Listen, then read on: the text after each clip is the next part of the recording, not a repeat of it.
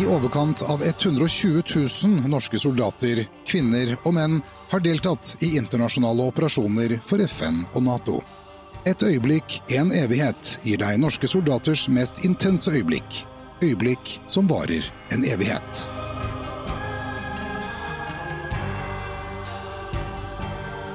Og plutselig så er vi helt sånn Vi er helt sånn innkapsla i sporlyssild. Og, og da sitter jeg og tenker liksom Shit, er det sånn her det oppleves at ting går i sakte film? Og det var helt sånn, helt sånn surrealistisk, da. eh, Å oppleve hvordan tiden da den, Ja, den, den gikk helt sånn ekstremt sakte.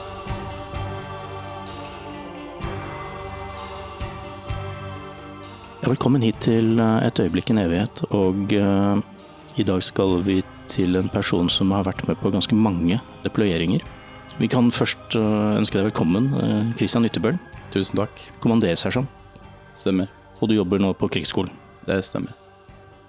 Og det kommer vi tilbake til, men du begynte vel ikke, du begynte vel ikke der? Nei.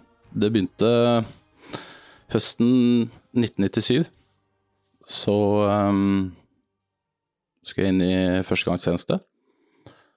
Og um, før det så, um, så var jeg egentlig ganske usikker på om uh, militæret i det hele tatt var noe for meg, da. Jeg hadde vokst opp uh, med historier fra min bestefar som var litt med i, under andre verdenskrig, og hvordan det var. Og kanskje som det ofte var da, så hadde ikke han snakket om det til så mange andre, men som barnebarn så fikk jeg en del historier, da. Og min far også var yrkesoffiser, så jeg ble født mens eh, min far gikk på krigsskolen. Og eh, var med, vokste opp rundt omkring i militærleire i, i Norge, da. Forsvar, forsvarsbarn, rett og slett. Forsvarsbarn, ja. Det gjorde jo at uh, jeg har flytta mye rundt. God eh, sikkert til å, til å omstille meg og tilpasse meg forskjellige, forskjellige omgivelser, da. Uh, og i uh, ungdomstida så var jeg mest opptatt av, av idrett og, og moro, egentlig. Og jeg var nok en av de som eh, var veldig glad det var en idrettslinje, da. Fordi eh, vitnemålet mitt fra, fra videregående, det var ikke spesielt bra. Så jeg var en av de som satt og så ut av vinduet når det var eh, allmenn fagundervisning, og veldig glad i det fysiske, da. Men du fant deg tydeligvis til rette i, eh, i Forsvaret? Ja, det som skjedde var at uh, jeg så en uh, avisannonse da, du, om uh, opprettelsen av Telemark bataljon. Og det her var jo på tiden da vi gikk fra et invasjonsforsvar til et innsatsforsvar. og en begynnende profesjonalisering, da. Og da husker jeg så et, en artikkel i Aftenposten om, om TMB-en, og det var jo sikkert eh, romantikeren i meg som, som så disse gutta med kalm i ansiktet og bæret og liksom støtene gjennom skogen, da, som uh, plutselig ble litt mer interessant. Og så Sesjonen gikk jo bra, så jeg fikk velge, og da, da valgte jeg TMB-en. og kom ned dit, og det var en varm, skikkelig varm august da. Og vi ble samla i en av de vedlikeholdshallene der, og så husker jeg det var en uh, ung løytnant som gikk rundt og lurte på om noen har lyst til å prøve seg i jegershoppen, da.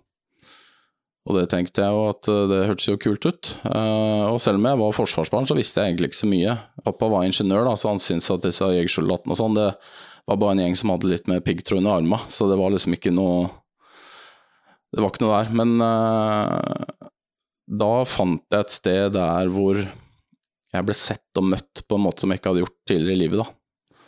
Hvor både de fysiske egenskapene mine og ja, den robustheten jeg hadde da, fikk uh, fritt spillerom. Og jeg hadde et fantastisk uh, år. Masse ute. Veldig enkel tjeneste, egentlig. Du bærer en tung sekk, og du gjemmer deg litt, og du ser på fienden og sniker rundt, og det, det var helt fantastisk. Jeg hadde et helt fantastisk år. Jeg vokste veldig mye på det, da, fordi som sagt, så det å bli, bli sett da, som, som, ung mann, tror jeg, tror jeg, er veldig viktig. Å finne en tilhørighet og et sted, og et sted du kjenner at du virkelig hører hjemme, da. Uh, og alvor var jo der, fordi TMB-en hadde jo på den tiden noen deployeringer, og det var jo Bosnia, det som het SFOR, var jo gående, og det var en jegertropp i, i SFOR. Og jeg ble jo tidlig i tjenesten anbefalt at det, det, var også noe for meg, for da kunne jeg få lov til å jobbe med dette faget i en internasjonal kontekst. da. Uh, men på den tiden så hadde jeg litt sånn ja, et slags vett i hodet, da, så jeg tenkte å gjøre ferdig utdannelsen min først. Så jeg begynte på BI, av alle ting, eh, når jeg var ferdig med førstegangstjenesten. Og så gikk det noen måneder der, og så husker jeg jeg fikk en telefon fra han som var eh, patruljeføreren min eh, i Bosnia. Han, nei, i førstegangstjenesten, han var i Bosnia. Og så sier han du, vi har en plass til deg, kan, kan, du komme? Ja, når skal jeg komme? Nei, i løpet av en måneds tid. Og da gikk jeg inn i forelesning igjen, og da var det bedriftsøkonomi i, i et sånt auditorium. Og da tenkte jeg altså, fuck this shit. Så jeg bare klappa igjen bøkene, og en måned senere så, så var jeg jegertroppen i, i Bosnia. Og da var det jo først og fremst eventyrlyst og spennende og liksom det Jeg hadde ikke så mange tanker om krig og elendighet og sånn. Eh, men å komme ned til Bosnia da i 99, selv om det da var en stund siden borgerkrigen var, var ferdig, så, så, gjorde det et veldig, veldig inntrykk på meg å se alle de enorme ødeleggelsene som, som var. Landsbyer som var lagt i grus, og hva det hadde gjort med, med hele samfunnet. Og I tillegg så fikk vi lov til å gjøre oppdrag på en skikkelig måte. Altså det var eh, mottak av oppdrag, veldig lang utviklingsfase til vi dro på oppdrag. Altså trening, eh, forberedelser, planlegging. Alt som man liker da, som uh, i en jeger, jegerpatrulje. Og jeg var speider og koste meg enormt med det. Og, og fikk utvikla meg både faglig og personlig da, på de, de oppdragene som, som, vi hadde der, som mange var veldig spennende og krevende, og hva skal jeg si, akkurat passe farlig, da. Um, og mye av det vi gjorde, handla jo om å ligge i eh, skjulte observasjons... uh, og observere på ja, forskjellige typer type ting, da. Og vi fikk gjort en forskjell. Vi avdekka en del aktivitet og, og fikk gode tilbakemeldinger på det vi gjorde. da. Men da var jo tiden inne liksom for ok, hva gjør, hva gjør jeg videre? Og da var det noe som het internasjonal UB på den tiden. Som var en befalsutdannelse for uh, de som hadde førstegangstjeneste og minimum én kontingent ute. da. Så jeg søkte den og fikk lov til å komme på, på, opptak. Og det var en stund fra jeg kom hjem til jeg skulle på det opptaket, så da flytta jeg ut på hytta i skauen og fortsatte å bære tung sekk og ja, koste meg med det.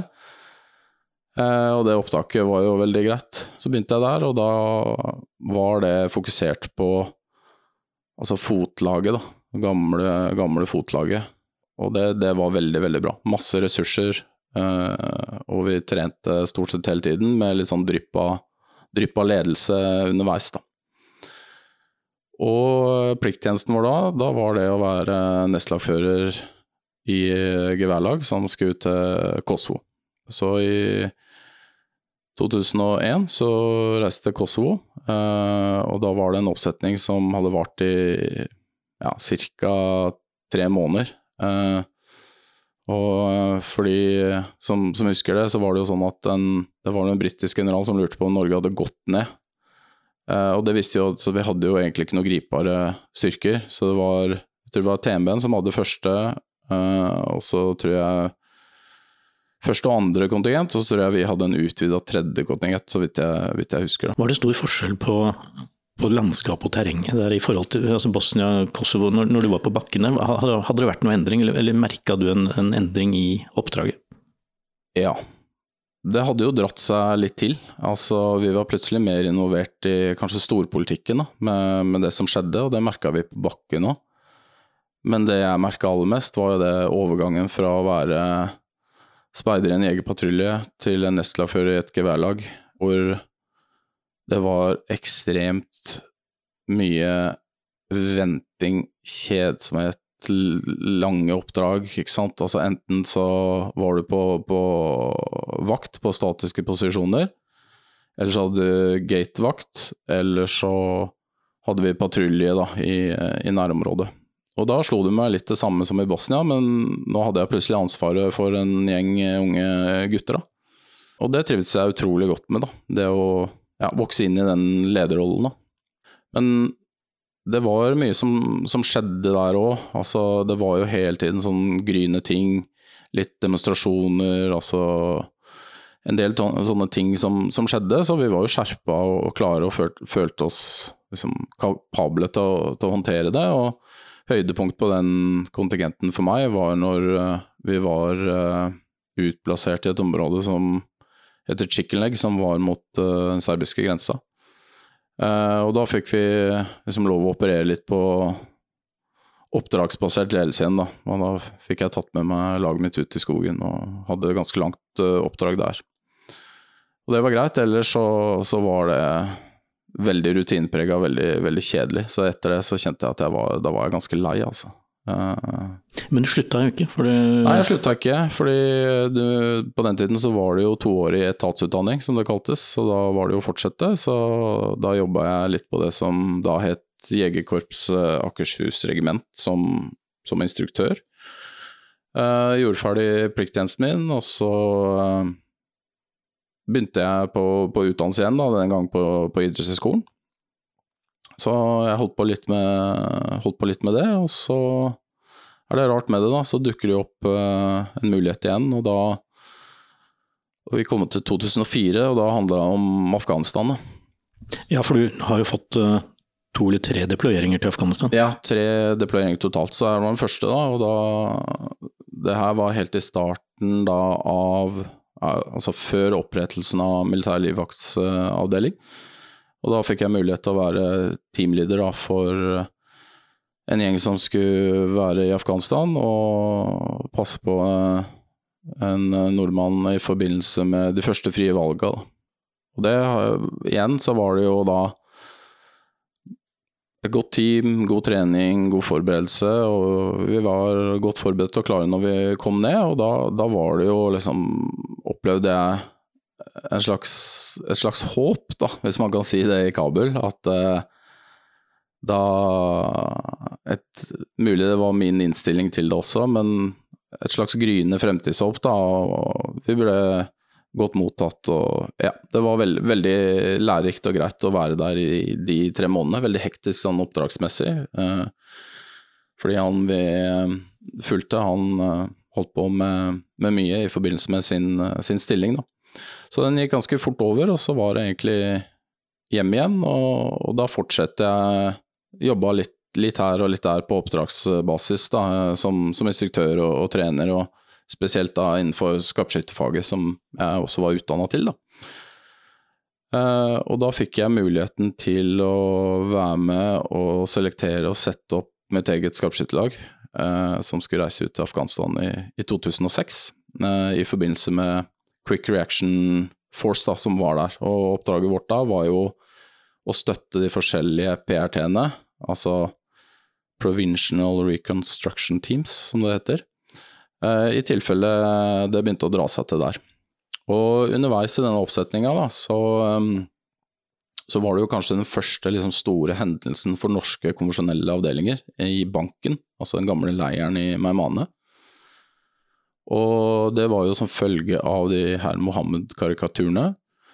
Og eh, da var det en av kompisene mine, eh, som eh, Christian Lian, som var i kystjegerpatruljen der. Og det var ganske heftig, da, det som skjedde, skjedde i banken der. Og da var jeg under oppsetning og trente mitt skarpskytterlag. Og da var han hjemme på liv i, i Norge, da, fordi han hadde fått noe granatsplinter i ansiktet. da.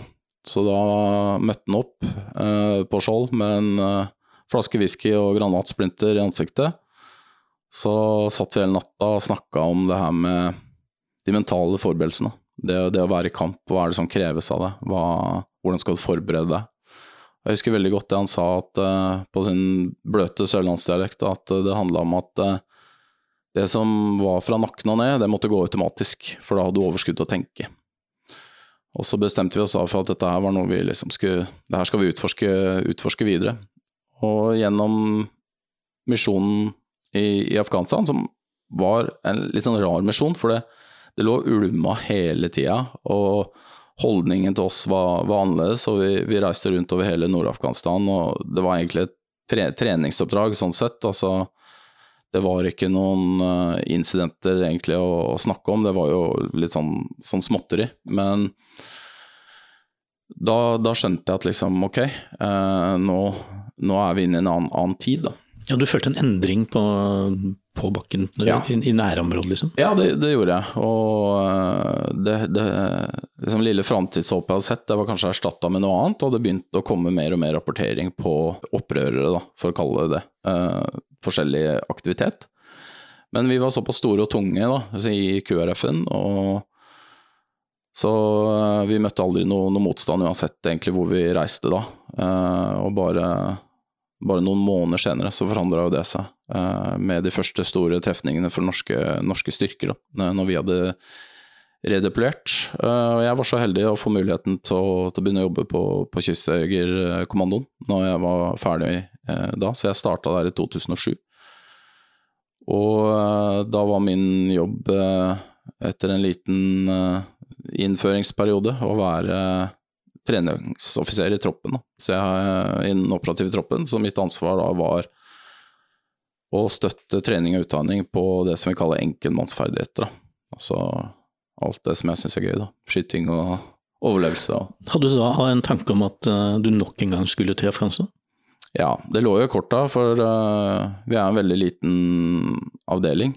Og enten så hadde vi en patrulje ute, uh, en under opptrening og en hjemme, og så var det seleksjon og utdanning i, i tillegg, da. Så det, det gikk mye ørkenkamuflasje i de åra, de der. Og jeg hadde jo blitt eldre sjøl og fått uh, mitt første barn og liksom begynner å etablere og sånn, og da, da, Alle som har fått barn, vet jo det, at da, da skjer det jo noe med det.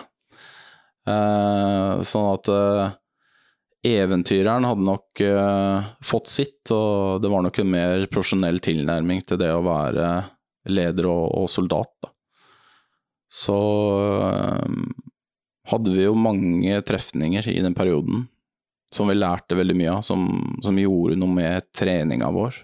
Og vi hadde de ressursene vi trengte, og vi hadde en ledelse som gjennom de åra jeg var der, var helt fantastisk i å legge til rette for at vi skulle bli så gode som mulig.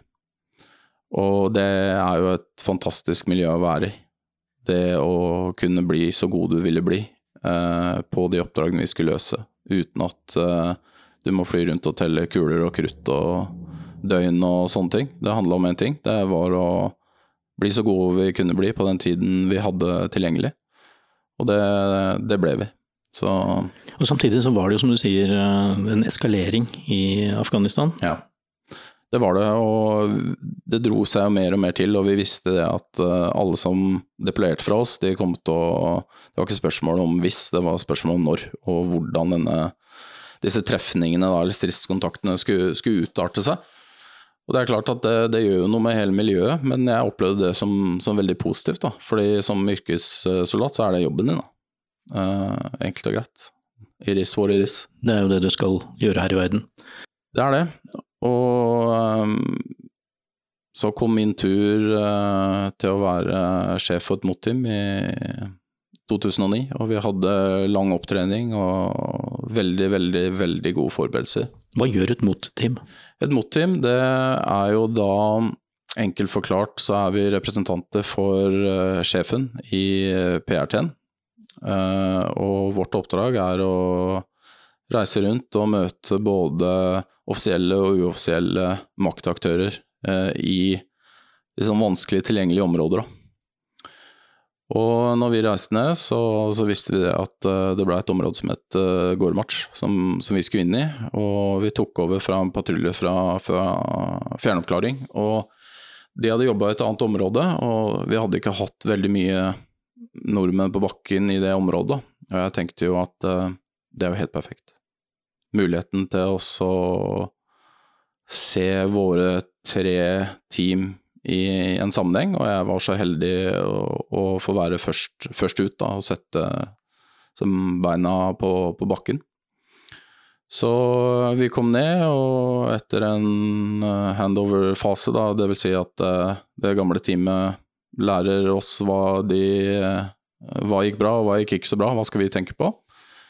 Så var det på tide å, å reise ut, da.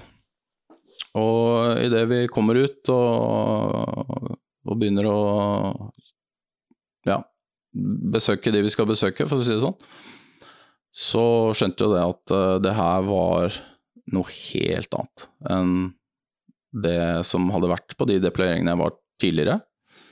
Og at uh, her handla det om å, å, være smart, da. Uh, fordi vi er jo en patrulje på sju mann pluss en, uh, en, tolk, liksom. Så det, det, er ikke firepower vi vinner med. Det er med kombinasjonen av å være litt smarte da, og gjøre de, gjøre de rette tinga. Ja, for du følte en, en utrygghet på, på motstanderen her? Ja, Det høres kanskje litt rart ut, eh, men utrygg det var jeg nok ikke. Eh, men det var heller ikke noe sånn overmot, da. Men det var mer en aksept at vet du hva, det her, er, det her er sånn det er nå. Vi må bare finne en måte å løse dette oppdraget på som gjør at uh, vi får løst oppdraget på en best mulig måte, men ta vare på oss sjøl også. Men som, som leder, da, så, så tenker du jo på på hva, hva er konsekvensene av dette her. Eh, hva er risikoen versus gevinsten av det, de oppdraga vi, vi, løste. Og det kjente jeg veldig på. Og selv om jeg da hadde lang erfaring da, og, så var det en veldig vanskelig sånn mental greie, da. Og det gikk jo ikke lang tid før vi, vi havna i de første stridskontaktene. Og det fikk satt teamet, da, for det, det funka bra. Og alle, alle, team lurer jo litt på det. Hvordan er dette her?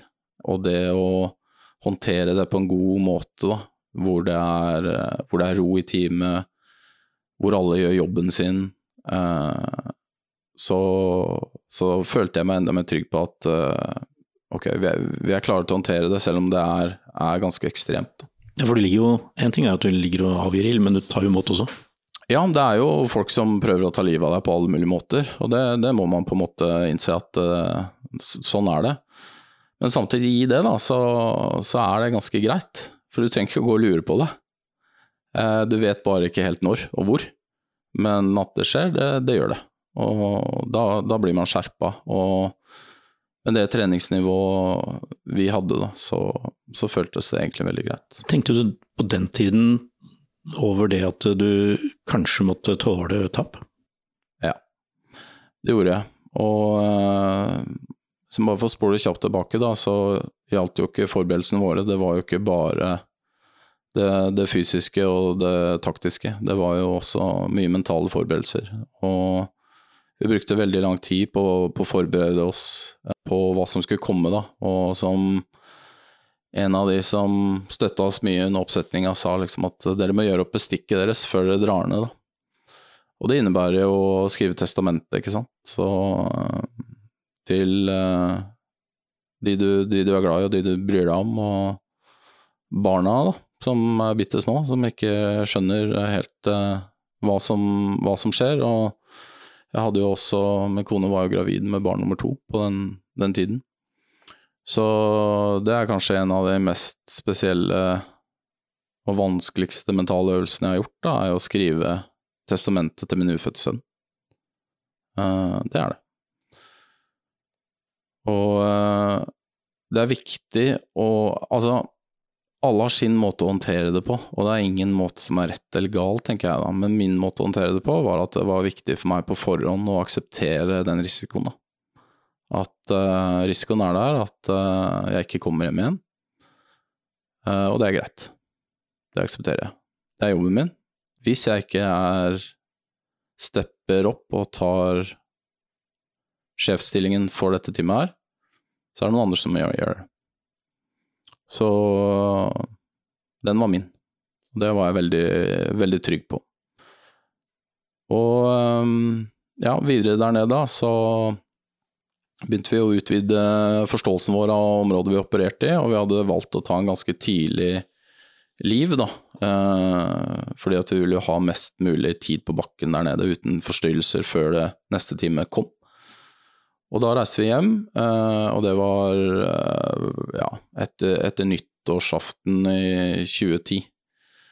Og da hadde jo allerede Taskuniten vært i veldig mange store trefninger. Da. Og da må jeg huske på at de hadde fire 790-er, altså. Ikke sant? Og det, det var ikke småtterier. Nei, det var en ganske tungt oppsatt eh, avdeling. Veldig tungt, uh, tungt oppsatt avdeling, og vi så det at i enkelte områder òg, så, så, kunne opprørerne sakene sine. De var, de var, gode på å legge opp bakhold, de hadde gode linjer i forhold til sin egen logistikk og forsyning og ammunisjon og taktikk og alt det der. Så det er tydelig at de lærte, og at de brukte bevegelsesmønster og alt dette her mot oss, da. Så jeg sitter hjemme liksom, og ser på nyhetene, for det var jo første gang da at uh, det var journalister som var, var med. Uh, og uten å gå så mye inn i det, så var det mye greier da, rundt, rundt, det der. ikke sant, At uh, forsvarsledelsen reagerer på ordbruk og en del sånne ting. og det, det ja, du refererer jo til, eh, til Rune Wenneberg og hans eh, Til Valhall-rop. Ja. Eh, som vi har, hatt. vi har hatt en episode med Rune tidligere, så de som er interessert kan jo høre på den. Ja, så jeg registrerte jo det, og tenkte at jeg forstår det veldig, veldig godt. Det. Fine, fine folk alle sammen. Og har den aller høyeste respekten for de, og, og det, den, den jobben de hadde, da. Men jeg måtte konsentrere meg om meg og mitt og, og mitt team, så, så vi reiste, reiste, ned igjen eh, etter en ganske lang eh, liv. Og eh, det var 24. januar som vi landa tilbake igjen, og da gikk jeg rett inn i, i Tokken da, eh, og får en update og skjønner at greit, her er det bare å sadle på og komme seg, komme seg ut igjen. da. Så vi, vi kitter opp og reiser ut, og nå hadde vi bytta um, litt konfigurasjon på, på kjøretøyene våre. Vi starta med bare multier, altså de åpne MB-ene. Og de er bra, de, altså. Men uh, sjarmen uh, forsvinner litt når du har tatt i en del bakhold på veldig kort uh, hold uh, med overhøyde. Så er det ikke så gøy å sitte inne i en sånn inn i en sånn, da. Og jeg husker spesielt en, en episode hvor vi ble tatt i et, uh, et bakhold i, i, en dal, da. Uh, og da åpner det automattil på mitt, uh, mitt kjøretøy. det er sånn i skumringa, så jeg ser liksom sporlysa bare begynne å spise seg innover mot der, der, vi sitter. Og plutselig så er vi helt sånn, vi er helt sånn innkapsla i sporlyssild.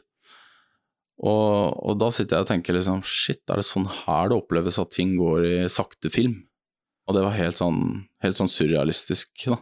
Eh, å oppleve hvordan tiden da den, Ja, den, den, gikk helt sånn ekstremt sakte.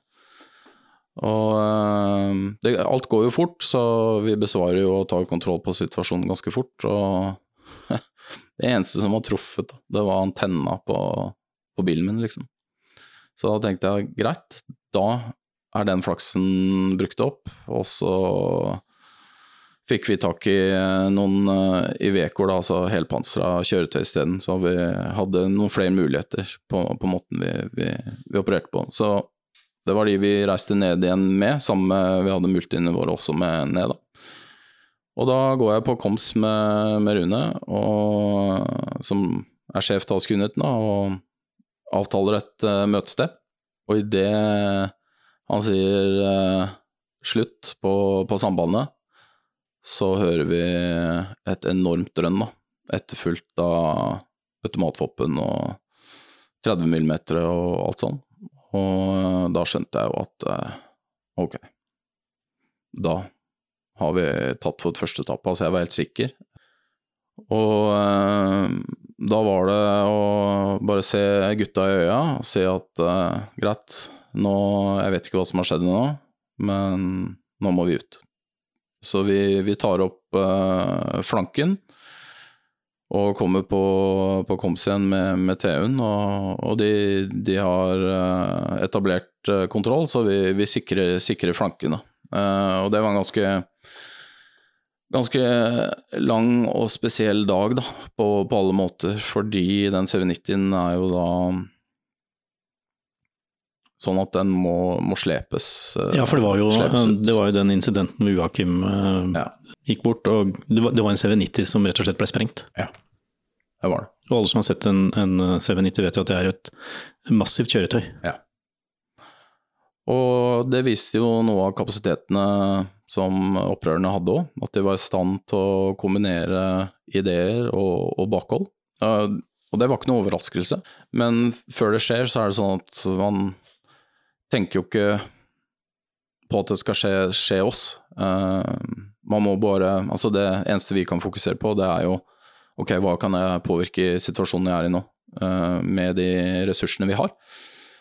Og eh, ja, kjøretøyet blir jo slept ut etter hvert, og vi samles i FOB-en. Og eh, det er, eh, det er veldig spesielt på, på mange, mange måter, selvfølgelig. FOB, den Ja, Forward Operating Base, det som, den som vi jobber ut fra i, i gårdmatch, da. Som for øvrig da var en gammel russisk FOB, som var så langt de kom der. Det skjønner jeg jo, etter å ha vært der, at det, det er så langt du kommer, liksom. Og det da å samle teamet og liksom si at uh, greit, det her er vårt, vår teig, da. Det her er vi, vi skal jobbe, og kanskje nå er det viktigere enn noen gang at vi gjør de tingene vi kan på en, på en skikkelig måte for å bidra til at dette her ikke skjer, skjer igjen. Og ehm, telefonen begynte å, å ringe fra de vi, vi snakka med, og ehm, vi reiste ut ganske tidlig neste morgen. Og da havner vi i en ganske, ganske kjip eh, situasjon, hvor eh, det er mange opprørere, og da får vi støtte fra de som hadde mista en mann dagen før. Og da kjente jeg liksom også en stolthet, da, av det å være en del av noe som er profesjonelt. Fordi du har ikke luksusen av å sørge der og da. Du må fortsatt gjøre jobben din, da. Og det er det vi er selektert og trent til, og det er det, som er, er jobben vår, da.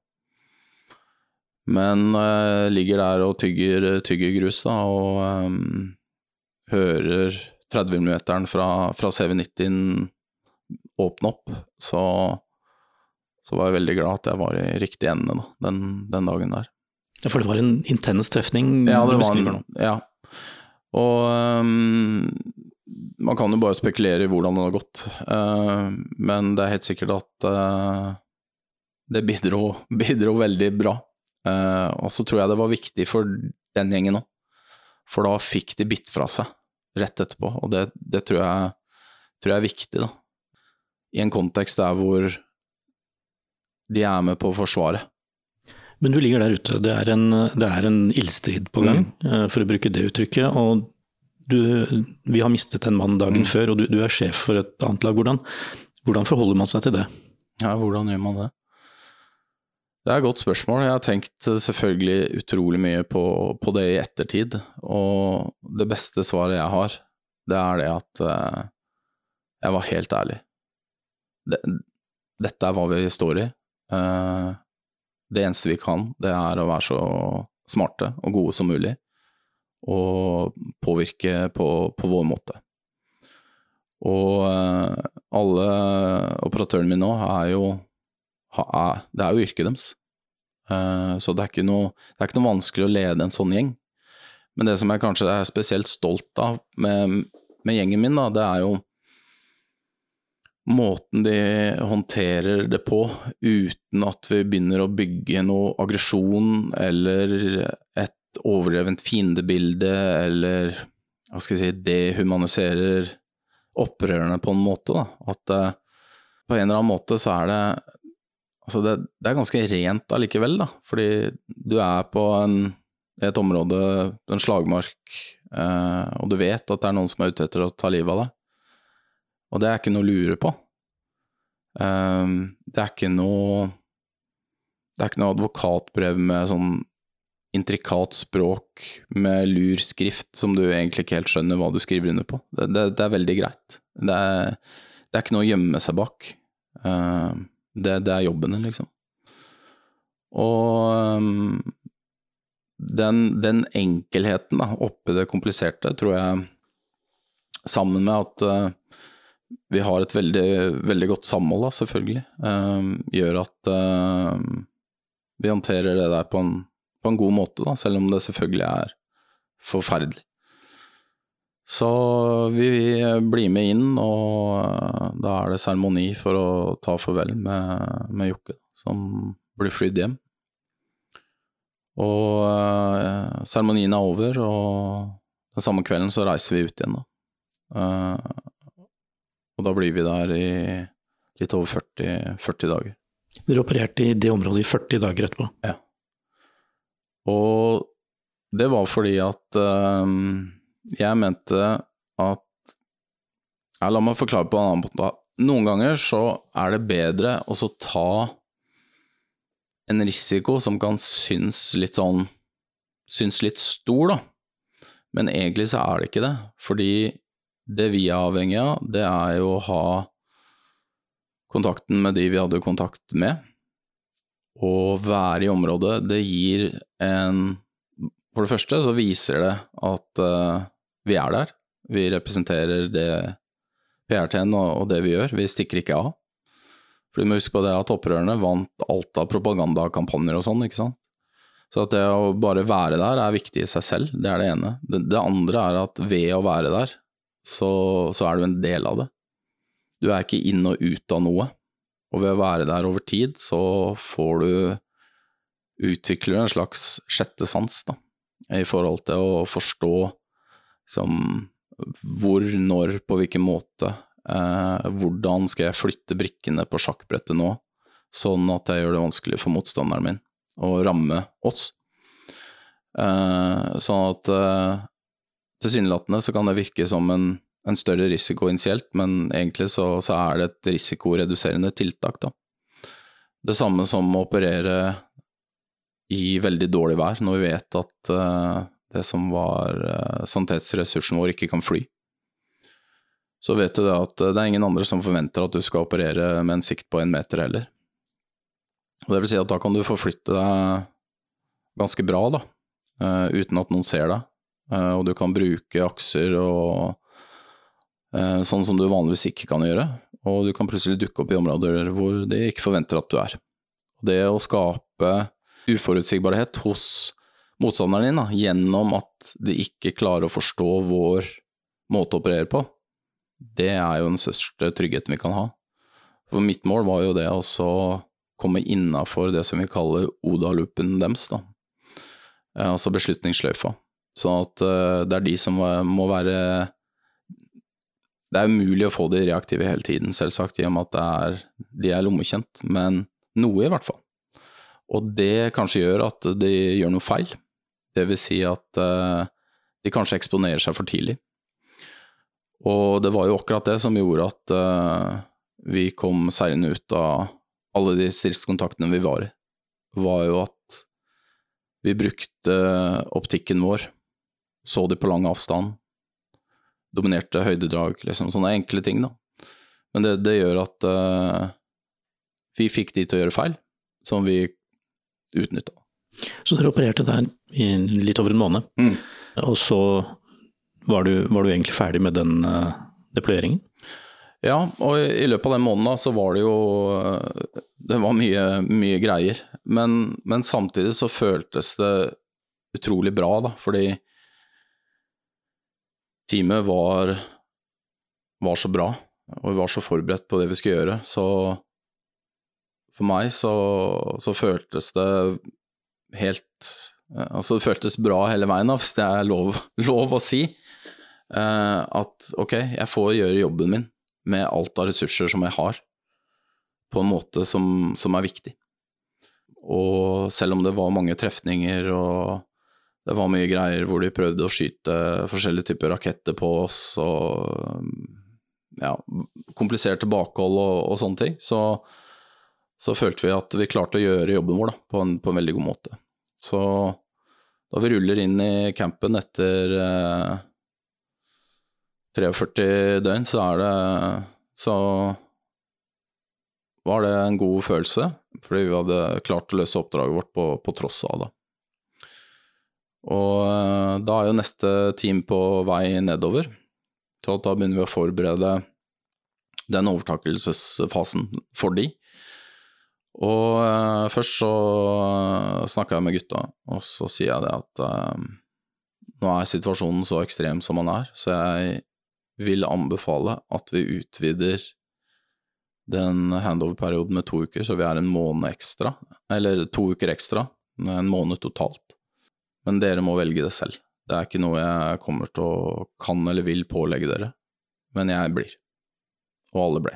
Og når det neste teamet kommer da, så handler det om også å få de oppdatert på den situasjonen som er, og, og gjøre de tinga vi gjør for at de skal operere på, på, den måten de mener er riktig, og med de erfaringene vi har. Eh, og da er det jo i begynnelsen av april, og da er det jo varmt i lufta, og da, da er det mer som skjer. Eh, sånn at eh, den perioden òg var, var, veldig ekstrem. Og da merka vi òg at det var enda vanskeligere å forflytte seg og at uh, bare det å være statisk, da, som vi kaller det, eller stå stille i noen områder i, over, uh, over, en viss tid, så, så, var de etter oss med, med en gang.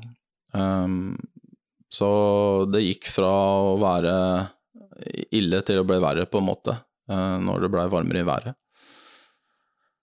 Og mye som skjedde i, i den, den perioden der også, men igjen så er det at uh, vi fungerer veldig bra sammen, og, og ressursene sitter, sitter, bra, da, men det er, det er et par sånne incidenter som, uh, som jeg husker bedre, bedre enn andre, selv, selvfølgelig, hvor det, det, holder på å gå ordentlig, ordentlig galt. da.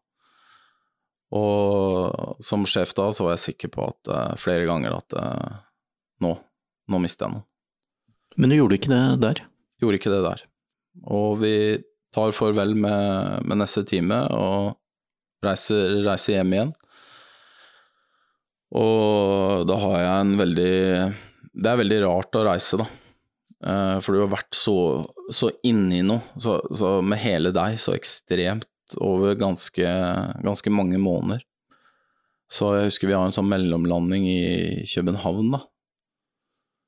Og en av de tingene vi skal gjøre da, det er uh, Snakker vi med psykologen vår, da, og så sier han at uh, ok, det som er viktig nå, er at nå, nå skal du bare hygge deg, liksom. Nå skal du gå ut i København og så bare, bare være. Og det var ikke noe krav til å være aleine eller liksom sånn, uh, men jeg, jeg, hadde et behov for å være litt aleine. Så jeg husker jeg tusler rundt her aleine i København, ikke sant, og det det er sånn at du har omtrent akkurat tørka kruttslamma ansiktet, ikke sant, og barbert bort uh, skjegget, og jeg tusler rundt der som en eh, sivilist igjen. Og, og, det var rart, ass. Det var skikkelig, skikkelig rart. Um, veldig glad for den mellomlandingen der. og så, så kom vi hjem igjen uh, til, til, Harstad og gjensyn med familie og, og, sånn, og det er jo fantastisk.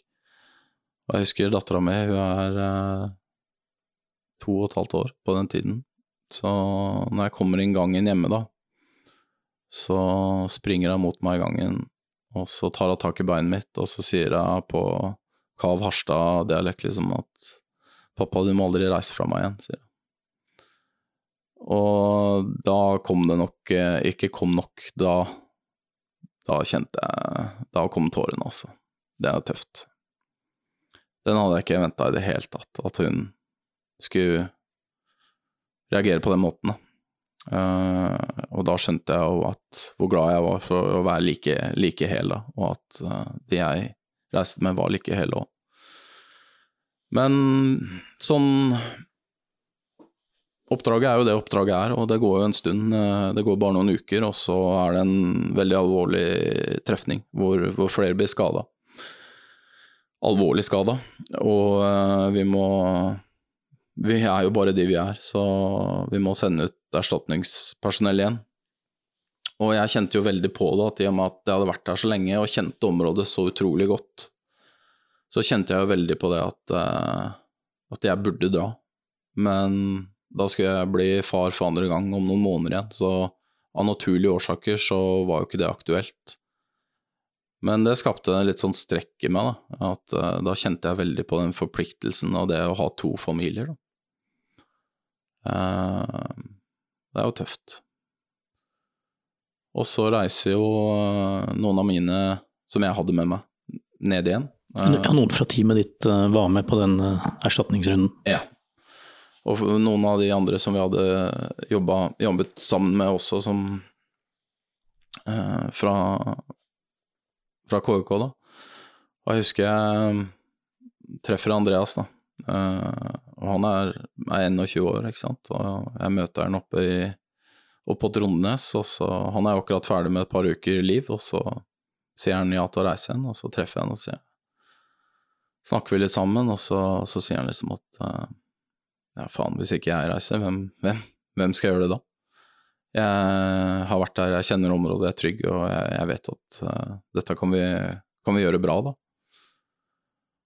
Og så går det jo bare noen, noen uker uh, igjen, og så går jo uh, går, Kjører jo på, på, en ID, og der forsvinner jo fire stykker fra oss, da. Og Trond og Christian, Andreas og, og Simen. Da har jeg skrudd av telefonen den, den morgenen, for jeg leverer dattera mi i barnehagen. Uh, så leverer jeg jo barnehagen, skrur jeg på telefonen, og så er det sånn ca. 40 000 tapte anrop. Og da skjønner jeg at jepp, nå, nå, har det skjedd. Så jeg reiser opp til, til læreren igjen, og så møter jeg, møter jeg, sjefen, og da får jeg bare en klem, da. Da skjønner jeg at uh, Så spør jeg hvor mange. Sier han fire. Og det er uten tvil selvfølgelig det verste jeg noensinne har, opplevd, samtidig som man er forberedt på det, fordi det er det er, det er ikke bare ytterste konsekvens, det, det, er faktisk en del av det å være profesjonell soldat. At uh, er du med lenge nok i gamet, så kommer du til å miste folk, da. Det, det er sånn det er.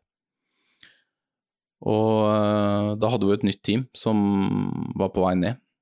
Så Og de er, de er, på ferie, da. Så da må jeg ringe, ringe rundt til de og fortelle hva som har skjedd, før de får det på media, ikke sant. Så det er en ganske ekstrem, uh, ekstrem periode. Og så er det å liksom fortsette med det, og da er jeg veldig sånn i jobbmodus igjen.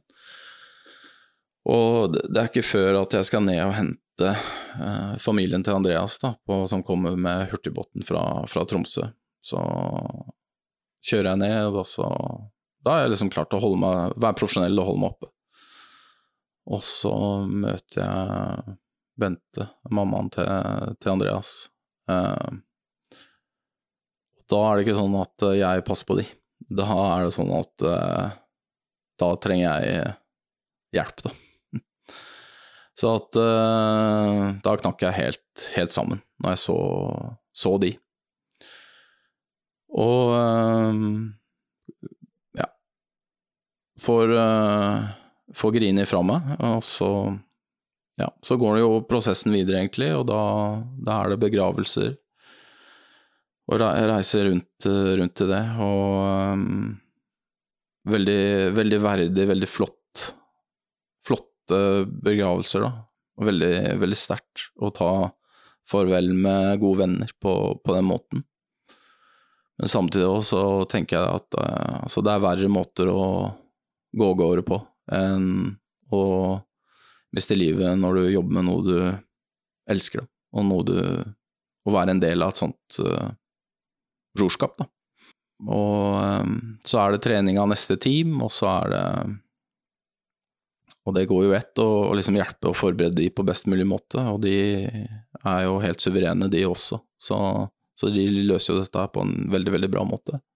Den incidenten var jo voldsomt uh, eksponert i media, mm. og du står midt oppi det. Mm. Det er klart, eh, det var Trond Bolle som var mest i fokus, Mm. mens du helt sikkert hadde retning på de tre andre. Mm. Hvordan var det da å samtidig styre den biten og forberede da neste runde? Som du sier, eh, det fortsatte jo bare. Det fortsatte bare, og det er jo igjen en del av jobben. Så jeg fikk eh, Jeg fikk grine fra meg litt, men altså Sorgperioden og egen refleksjon og ikke minst det å reintegreres fra å ha vært omtrent kontinuerlig i trefninger i tre og en halv måned, det rekker du ikke da. Så eh, vi fortsetter, og ja, så begynner jeg å jobbe med, med seleksjon og utdanning, og syns det er veldig bra. Jeg tror de, de kystjegerne der fikk nok et ganske De fikk en ganske hard seleksjon og, og utdanning, men samtidig veldig realistisk, da. Og så går jeg kvalkurs, og så er jeg tilbake igjen og, og jobber med ja, utvikling av teknikk og taktikk eh, innenfor et fagområde. Og så kjenner jeg at eh, det er på tide å gjøre noe annet. Eh, og jeg får en sånn følelse av at eh, det, det er liksom nå. Og jeg husker eh, Da nærma jeg meg 38, ja. Eh, sånn at da hadde jeg vært på et, eh, et kurs i USA, da. med noe, noe skyting. Og så merka jeg at jeg hadde utrolig problemer liksom en venstrehåndsskyting. Skjønte ikke liksom helt dette her, da. Og så kommer jeg tilbake igjen, og så skal jeg kjøre en demo for, uh, for utdanningen, da, ikke sant. Da har jeg vært og fintuna ferdighetene, så jeg skulle liksom uh, skyte en veldig god demo. For det med målbildet er jo viktig, ikke sant. Og idet jeg trekker pistolen min, så, så har jeg problemer med å finne Få fokus på, på forsikta, så det blir en helt sånn elendig demo. Eh, og ingen sier noen ting. Og jeg bare ok. Så drar jeg til optikeren, og så finner du der er skeive hornhinner. Og da tenkte jeg liksom at ok, dette er kanskje et signal på at uh, du er på vei inn i en annen fase av livet. Uh, og jeg er sånn at uh, jeg syns det er ålreit å gi seg litt på topp, da, mens du fortsatt henger med. Så det, det blei det, at jeg, jeg slutta da. Og jeg husker jeg kjører fra, fra Harstad da, og, og skal hjem til der vi bor da, og da da, da, begynner det å gå opp for meg hva, hva jeg har forlatt. Da. Så da begynner nok en prosess for meg med, med en slags reintegrasjon, da, hvor jeg skal legge fra meg den identiteten som har vært utrolig stor. Eh, vennene mine, miljøet, og så bli en helt vanlig dude. Og det er ikke noe galt i det, men det er en, en overgang der som jeg sett i ettertid hadde nok tatt litt lett på, da. At det krever, det krever litt sånn arbeid, og så finne ut ok, hva skal jeg gjøre? Hva skal jeg gjøre videre i livet? Hvem er jeg nå? Er det litt som å se på disse idretts, uh, toppidrettsheltene våre som plutselig slutter å, å, gå på ski eller å spille fotball, og så må du gjøre noe helt annet? Jeg tror likheten der er veldig, veldig stor, da, selv om vi konkurrerer på en ganske annen arena. For å si det sånn, så er det mye av de samme tingene. Jeg husker jeg så et intervju av Ådne Søndrål, og så ble han intervjua liksom Ok, hvordan var det å slutte? Og han sa det at uh, Nei, det var noe greit og sånn, da, men det var liksom litt mindre farger. Alt var litt mer sånn grått. Og den kjente jeg meg veldig igjen i. Fordi fra å kunne være Altså kjenne litt på spenning og adrenalin og en del sånne ting, så, så var det plutselig borte. Eh, og så var ja, kompisene eh, borte. Og da var det liksom bare å ja, bruke de tingene jeg har lært, da, og, og bare begynne prosessen. Eh, så jeg begynte å, begynte å studere, og ble endelig ferdig med bacheloren min uh, etter 14 år, da. Det er sikkert en slags rekord. Uh, jeg vet ikke, men den ble, ble, jeg ferdig med. Og da begynte jeg på, på masterutdannelse i, i England, i det som kalles anvendt coaching, da, for jeg har alltid vært interessert i det, det psykologien bak det å bli god, da, hva som, hva som kreves. Og jeg fikk det til greit, men jeg husker første innsendinga, så fikk jeg tilbake, og engelskmenn er jo veldig høflig, så fra veilederen min da, så fikk jeg liksom tilbake en oppgave da, som var mer rød enn enn svart. Og det endte vel med liksom i mange sånne veldig høflige og hyggelige ordelag at uh, det her må du gjøre om igjen. Og det var egentlig greit, for da fikk jeg en helt annen type utfordring. Og gjorde det bra på det, det masterstudiet, og fikk uh, Fikk gode karakterer. Og så fikk jeg en telefon fra Rune Venneberg, som jeg jo hadde blitt godt kjent med når vi, vi var ute, og, og, likte Ikke likte, jeg liker både han og liksom, gjengen hans veldig, veldig bra. Det ble veldig tett bånd mellom oss og TMBN-gutta også.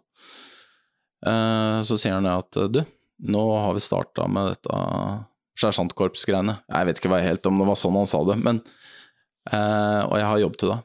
Det er en som spør etter deg på Hærens befalsskole. Har du lyst til det? og jeg bare Ja, men jeg må snakke med kona. Og så ringer jeg kona mi, og hun bare nesten sånn Åh, endelig. ja, det, det syns jeg. Eh, fordi hun hadde jo sett, sett meg eh, utenfor. Og liksom at jeg syntes ting var litt eh, kjedelig, da. Og da fikk jeg mulighet til å begynne på eh, Hærens befalsskole, som, først som kompanisersjant og som sjefsersjant etterpå. Og det utrolig meningsfylt da, å, å jobbe med, med, utdanning, og med en mye større masse. For jeg hadde jo opp til da egentlig vært ja, 15 år på troppsnivå. Uh, så det å jobbe med, med fler, da, da, lærte jeg mye. Veldig mye, og syntes det var veldig givende og, og meningsfylt. Og så um, fikk jeg muligheten til å begynne på, på krigsskolen etterpå, og starta som uh, kullsjef for videregående befalsutdanning. Trivdes godt, godt, med det. Og så hadde jeg en liten sånn spire i magen av at uh, det er noe mer som jeg må gjøre. Fordi Christian og jeg hadde avtalt den uh, natta med whiskyen på, på Skjold at vi skulle gå videre. Og engelsk min hadde liksom kommet litt på plass, da, så da så jeg det at uh, det var noen muligheter. Så, så jeg snakka med flere, og fikk da til slutt da sjefen på KS fikk lov til å få et stipendiat, da, en ph.d. Og det har jeg holdt på med siden 20, 2019 og begynner å nærme meg slutten nå, da, hvor jeg får lov til å bruke den erfaringa og kompetansen jeg har fra før, for å se inn i liksom det her med hva er det som gjør at vi klarer å prestere i ekstreme situasjoner, da. Eh, hvordan skal vi trene, hvordan skal vi forberede oss, og hvordan skal vi håndtere det. Det er jo en, eh, en veldig aktuell ting å sette seg inn i våre dager. Eh, når vi spiller inn dette her nå, så har Russland gått i angrep på Ukraina. Mm. Vi ser hvordan befolkningen i Ukraina takler det på en, eh, på en ganske imponerende måte, med, med, å vise en forsvarsvilje som er ganske enestående. Mm. Ville du sagt i dag at vi i Norge burde ha mer fokus på dette med forsvarsviljen uansett? Ja, absolutt. Altså Nå er jo jeg biased, selvfølgelig, i og med at jeg er yrkes, uh, yrkesbefal. Men Gjennom alle tider og alle kulturer så er det én ting som har vært viktig, og det er at uh, hvis du vil ha fred, så må du være forberedt på krig. Og dessverre så er det sånn at uh, verden er det den er. Og hvis vi skal ta vare på oss sjøl og forsvare våre interesser, så er vi nødt til å ha et forsvar som er robust nok til å, tåle det. Og uh, jeg kan jo bare referere til hvor heldig jeg var som når jeg kom inn i førstegangstjenesten, som da var for alle menn, hvor godt det var for meg. Og jeg tror at uh, hvis jeg fikk bestemme, da, så hadde det blitt innført igjen. for alle. Og vi trenger noen overalt, ikke bare stridende, men også i sivilforsvar og helsevesen og sånne ting. Og jeg tror at det å ha, bygge opp vernepliktsstrukturen vår igjen, da, det er kanskje noe av det beste vi kan gjøre for landet. Fordi da vil unge kvinner og menn komme inn og få en mulighet til å forstå hva det handler om, bli en del av noe som er større enn seg selv i denne kanskje litt egosentriske tiden vi er inne i. Og, og det tror jeg vil være bra på veldig mange måter. Da. At det vil, være bra for de som kommer inn, og det, det er det kanskje vi som nasjon trenger også. Dette er en av mange unike historier om selvoppofrelse og mot fra våre soldater. Her lar vi soldatene selv fortelle om de intense øyeblikkene, akkurat slik de opplevde det. Historier som rett og slett er blitt et øyeblikk, en evighet.